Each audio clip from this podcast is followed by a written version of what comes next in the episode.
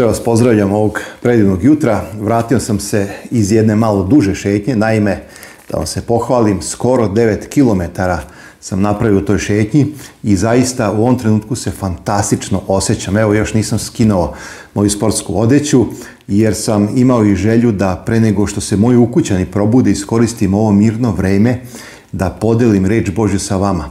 Naime, šetnja ovako kalibra donosi najmanje dva benefita. Prvo, što dolazi do veće prokrvljenosti, širi se volumen pluća i vi se zaista osjećate bolje. Jasnije razmišljate jeste se na, na, napojili kiselnikom. A, jutro je dobro zato što bar ovde u Negotinu ljudi još nisu počeli da lože vatru po svojim domovima, tako da je vazduh mnogo čistiji, nema kiše, nema vetra, bilo je, bilo je zaista fantastično. Sa druge strane, sećam se jedne poslovice e, koja kaže svaki čovek ima dva lekara, levu i desnu nogu. Koristimo taj blagoslov, dragi moji, i kada imamo mogućnosti, otidimo u prirodu i šetajmo. Sa druge strane, dok šetate, vi razmišljate. Ako želite da usmerite vaše misli ka Bogu, ka istini, ka lepoti Bože karaktera, vi ćete zaista imati mnogo toga o čemu možete razmišljati. Sa druge strane, ja znam da postoje ljudi, i nedavno sam imao zaista teške razgovore, ljudi koji su opterećeni, koji imaju teško breme na svojoj duši, koji imaju određene probleme, koji imaju određene dugove, more ih zaista noćne more ovoga života. Ali i tu postoji, dragi moji, rešenje. Ako verujemo Bogu i njegove reči, Bog je obećao na više mesta da će poneti naš teret, da će poneti naš jara, da će učiniti da nas rastereti. Sve svoje brige bacite na nje, se on brine. To ne znači da će automatski sve nestati, ali Bog će vam dati mudrost i silu da se izborite. Bog će naći rešenje. Kao što kaže apostol Pavlo u Rimljanima 8. glavi, ko veruje i ko je istrajen u veri, Bog sve izvede na dobro. Naš Bog je silan, velik. Ima li, dragi moji, šta nemo nemoguće za našeg svemoćnog Boga. Hajde da ne budemo sami u ovoj priči. Hajde da ne budemo hrišćani koji će nominalno samo verovati, ali se nikada neće pouzdati u Božje obećanje. Hajde da pod znacima navoda, ako smijem tako da kažem, iskoristimo to preimućstvo koje imamo, a to je da sve naše brige, naše probleme, sve ono što nas opterećuje, bacimo, stavimo na naše gospoda, jer je on to tražio i tada ćemo videti lepotu Božje sile i njegovog vodstva u našem životu. Sa druge strane, dok sam šetao i ovoga jutra, konačno sam zaokružio misli koje u ovom trenutku želim da podelim sa vama. Dva teksta iz Svetog pisma, dva primera u Novom Zavetu koji su zapisali trenutak kada je Isus plakao. U jednom događaju, to je trenutku, plakao je nad Jerusalimom, kada ga je pogledao, a proročki je znao šta će se desiti sa njime, o tome ću uskoro kazati nešto više, i drugi put kada je došao do Lazarevog groba. A, ova slika koja nam otkriva naše gospod Isusa Hrista koji plače, mnogo, dragi moji, govori o Božjem karakteru. A, mene lično ovo hrabre, zato što mi to otkriva jednu novu dimenziju moga Boga koji je žalostiv, spor na gnev, obilan, milosrđem istinom. Bog koji je sapatnik, koji pati sa nama, kome je žao ljudi koji odbijajući njegovu istinu nastavljaju da pate u gresima i to žalosti Božje srce. A imaju mogućnost da budu e, blizu večnoga. Imaju mogućnost da budu zaodeveni Božom ljubavlju i njegovom blizinom. Imaju mogućnost jer je Bog dao tu mogućnost u Hristu, a čovek i dalje živi sam, nosi svoje terete, pati pod teretom greha i muči se u tom nekom duhovnom smislu. Evo jedan trenutak kada se Isus približio Jerusalimu, ugledao taj predivni grad onog vremena, ugledao je taj hram koji je bio na brdašcu, koga je sunce obasjavalo, koji je sijao i zaista odavao jedno veličanstven, jedan veličanstven prizor. Gledaju napred taj Jerusalim koji će biti opkoljen rimskim vojnicima, koji će biti opkoljen okopima, čak i tu se precizira reč, vidit ćete kad budem pročitao, do detalja. E, posmatrao je grad gde će ljudi, žene, majke biti prinuđene da jedu svoju decu, gde će ljudi od gladi jesti obuću, kožu sa svojih opanaka, gde će ljudi ubijati jedni druge u panici, jer će nastati haos u gradu. A onda će pokušati da pobegnu, preskakaće zidove, a tu će ih dočekati razbesneli rimski vojnici i nemilosredno ubijati. A onda oni ulaze u Jerusalim, razaraju sve pred sobom. Jedan vojnik uzima baklju, zapaljenu baklju baca u hram, a hram je bio opčinje, op, o, o, okružen kedrovinom i svilom. I taj plamen je stvarao veliku toplotu. Zlato i srebro koje je bilo u tom hramu se topilo. Tako da su rimski vojnici tragajući za tim zlatom koje se topilo i slivalo niz pukotine određenih betonskih blokova, na kraju sve preokrenuli na opačke da bi došli do tog zlata i ispunili proročanstvo da neće ostati ni kamen na kamenu. E, ovo su samo, e, da kažem, brzi prelazi cele te scene i celog tog proročanstva koje se ispunilo, a izašlo iz usta Isusa Hrista kada je sedao na Maslinskoj gori i posmatrao Jerusalim. Hajde da pročitam ove tekstove. A kad se približi ugleda grad i zaplaka za njim, govoreći kada bi ti znao u ovaj dan što je za mir tvoj, ali je sada sakriveno od očiju tvojih, jer će doći dani na tebe i okružit će te neprijatelji tvoji opkopima i opkolit će te i obuzeće te sa sviju strana i razbit će tebe i decu tvoju u tebi i neće ostaviti u tebi kamena kameno, zato što nisi poznao vremena u kojem si pohođen. I onda dalje kaže tekst da Isus sišao u grad, ušao u crku i spremetao ovaj, stolove onim trgovcima i onda već znate priču. Ali ovde se zadržavamo. Dragi moj, Isus plače nad Jerusalimom, jer unapred vidi ono što će se desiti 70. godine. 67. godine Vespazijan je opkolio grada i se u jednom trenutku povukao zbog određenih borbi i, i, i aktivnosti koje su bile u potrebi onog vremena, a onda oni koji su shvatili ono što se desilo, imali su prilike da pobegnu, imali su prilike da izađu iz grada, ali ni tada nisu poslušali reči Isusa Hrista, nego su ostali u svome gradu, misleći da je tu sigurnost a onda 70. godine dolazi totalno, totalno uništenje. Zaista, a, teška je to slika koju Bog posmatra. U istom trenutku a, mi znamo da je bio Bog u Hristu. Isus je bio utelovljeni Bog. On vidi Jerusalim sada i vidi Jerusalim 70. godine. Vidi ono što će se dešavati. Vidi kako prolazi narod ne zbog nekih političkih stvari, nego zbog greha, zbog toga što su odbacili spasitelja Isusa Hrista, zbog toga što su razapeli Hrista. I sami su rekli krv naša na nas i na našu decu. Ovde vidimo Isusa Hrista koji plače nad Jerusalimom i plače nad ljudima koji će patiti. A zapazite samo jedan trenutak, evo u ovom momentu mi je došlo na um. Sećam se uh, Evanđelja po Luci, 23. poglavlje, gde e, majke i čeri Jerusalimske plaču za Hristom A on, pošto zna ovu priču, zapazite šta im govori.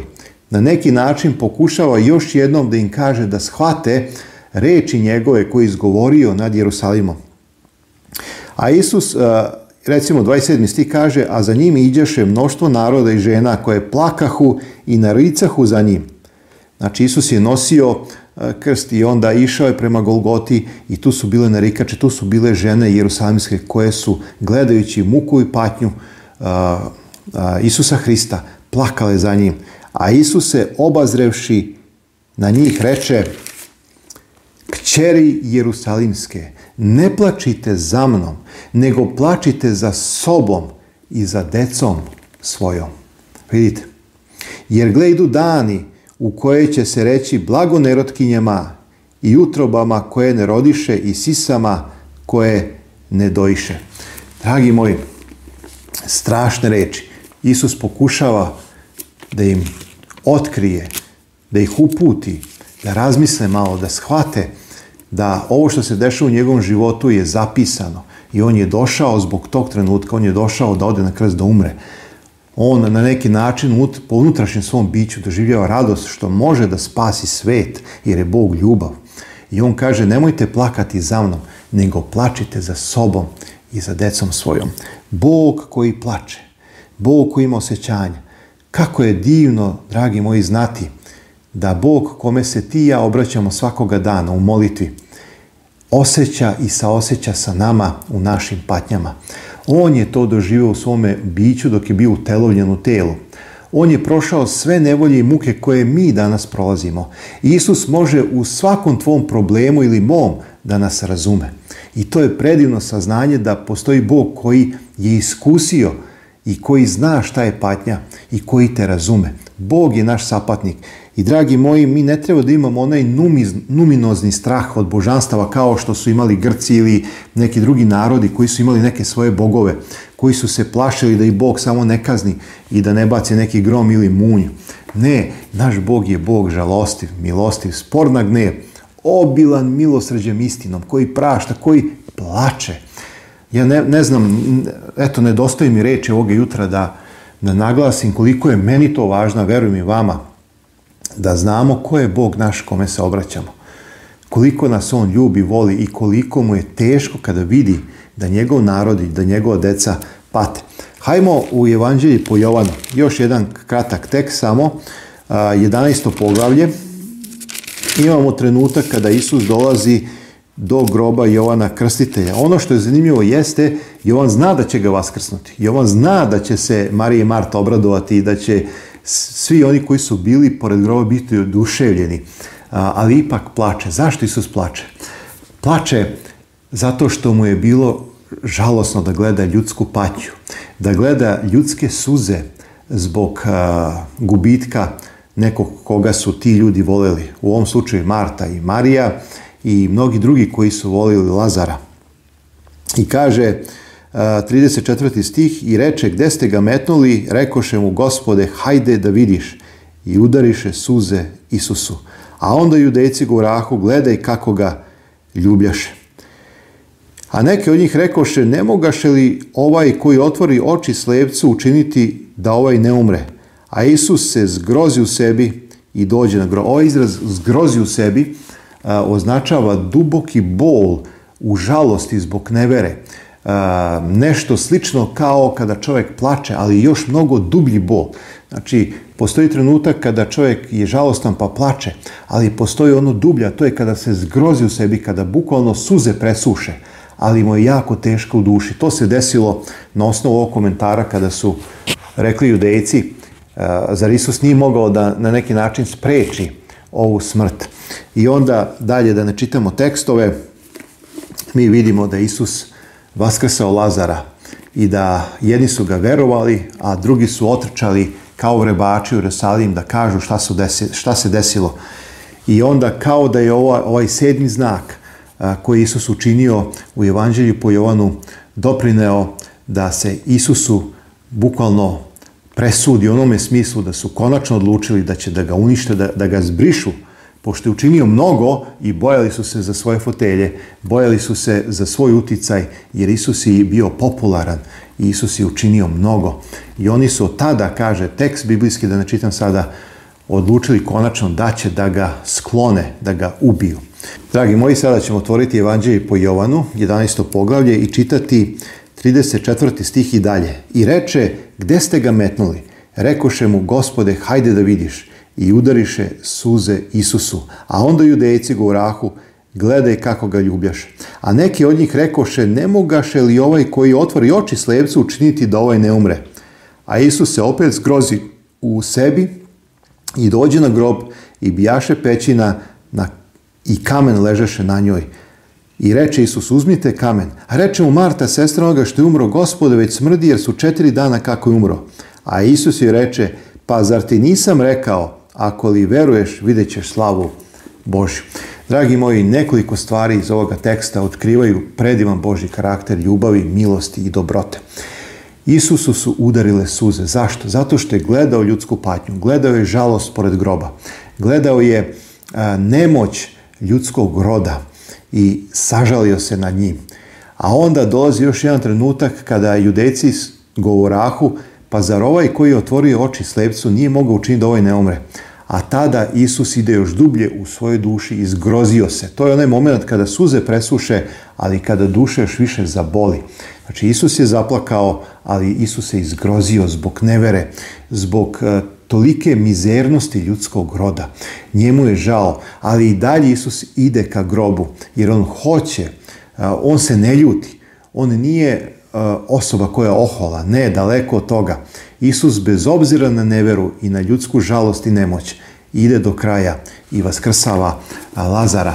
Ova slika, dragi moji, e, mene toliko oduševljava i toliko hvalim i slavim Boga, što je upravo takav kakav jeste. I takav nam se otkrio kao Bog koji je žalostiv, milostiv, spor na gnjev, koji je naš sapatik, koji e, osjeća ljudske muke i bolove. I zato, dragi moji prijatelji, brati i sestro, evo još jednom da se zajedno podsjetimo. Danas ako imaš tugu i bol, ako imaš neki problem, ako sumnjaš, obrati se gospodu Isusu Hristu. On saosjeća sa tobom, on razume tvoj problem, on a, pati sa tobom i on želi da ti pomogne. On želi da vidi da si radostan, da si rasterećen. On želi da uzme teret sa tvojih pleća. On želi da te oslobodi. To je naš Bog koji podiže iz mrtvih. Ako si duhovno mrtav, možemo uzeti analogiju iz ovoga teksta i reći kao što je podigao Lazara iz mrtvih, tako će i tvoj duh oživeti, tako će i tebe iznova vaskrsnuti u novi život i udahnuću tebe e, večnost, udahnuću tebe carstvo Božje i daće ti mogućnost da živiš večno. Evo, to je ono što sam želeo da ovog jutra podelim sa vama, da budemo svesni ko je naš Bog kome se obraćamo. On nije neosetljiv, on nije kao bogovi grčke mitologije koji su toliko iznad čoveka i koji nemaju ništa sa njim, koji nemaju osjećanja, nego koji samo kažnjavaju. E, naš Bog je drugačiji. Svi bogovi u narodu su lažni ali naš Bog je istinit i stvaran. On je svoju ljubav pokazao i dokazao. On je bio jedan od nas. Da bi nas razumeo i u ovom trenutku, ako želiš da se pomoliš i iskažeš Bogu sve ono što ti na srcu znaj, da postoji onaj koji će te razumeti. Tvoj večni gospod i tvoj spasitelj Isus Hristos razume i sve zna. Dragi moj, ja sa ovom idejom i sa ovom istinom uvek idem na molitvu i doživljavam molitvu u zadnjih godina mnogo drugačije, na jedan poseban način. To je jedno posebno iskustvo u mom životu. Kada razmišljam o ovim događajima koji opisuju Isusa Hrista koji plače, koji saoseća. Drugačije, dragi moji, se molite tada i drugačije pristupate Bogu, jer znaš da će to On razumeti. Znaš da to ne prevazilazi e, nešto što Bog ne može da shvati daleko od toga on jako to dobro razume. Uh, ne postoji, kaže jedan autor, uh, nijedan moment u ljudskom trenutku, nijedna patnja toliko duboka ili neki problem toliko velik, a da ga Bog ne zna iskustveno ili da ga ne može rešiti. Zato, dragi moji, slavimo i hvalimo našeg Boga, jer je velik, jer je dobar, jer je svemoćan, ali je milostiv i žalostiv. To je naš Bog koji roni suze. U onom poslednjem danu kada dođe, kada nema više milosti, dragi moji, na zemlji, i kada Bog dolazi po drugi put da donese sud, tada Bog neće više plakati. Dok je vreme milosti, Bog može da roni suze, da spasi, da se čovjek pokaja. Ali dolazi vreme kada milosti više neće biti. Ali tada više neće biti ni Božje suze, nego dolazi Boži gnev. Taj gnev je nepomešan u čaši. Taj gnev je nešto što će učiniti da se promeni lice naše planete.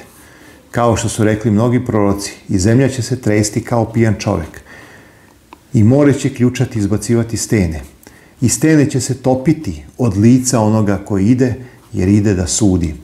Zato dok ima vremena milosti, dok ima mogućnost da se obraćamo Bogu u molitvi, da se kajemo i da ga slavimo. Hajde da to činimo mnogo češće i sa radosnim srcem. Svakom dobro želim, dragi moji. Čitajte redovno reč Božju, krenite redom, iskoristite ovaj početak nove godine za nove odluke, za nove stavove. Dobro je da se napravi inventar, da se podvuče crta, da se sazna i vidi da li smo u plusu ili u minusu u odnosu na naš duhovni život i rast – I moj poziv da svakoga dana rastemo u Hristu, da danas budemo bolji ljudi nego što smo bili to juče ili preključe, jer tako se svakodnevno pomalo ostvaruje rast i idemo da budemo sličniji našem gospodu Isusu Hristu. Svakom dobro želim i vidimo se uskoro u novoj emisiji.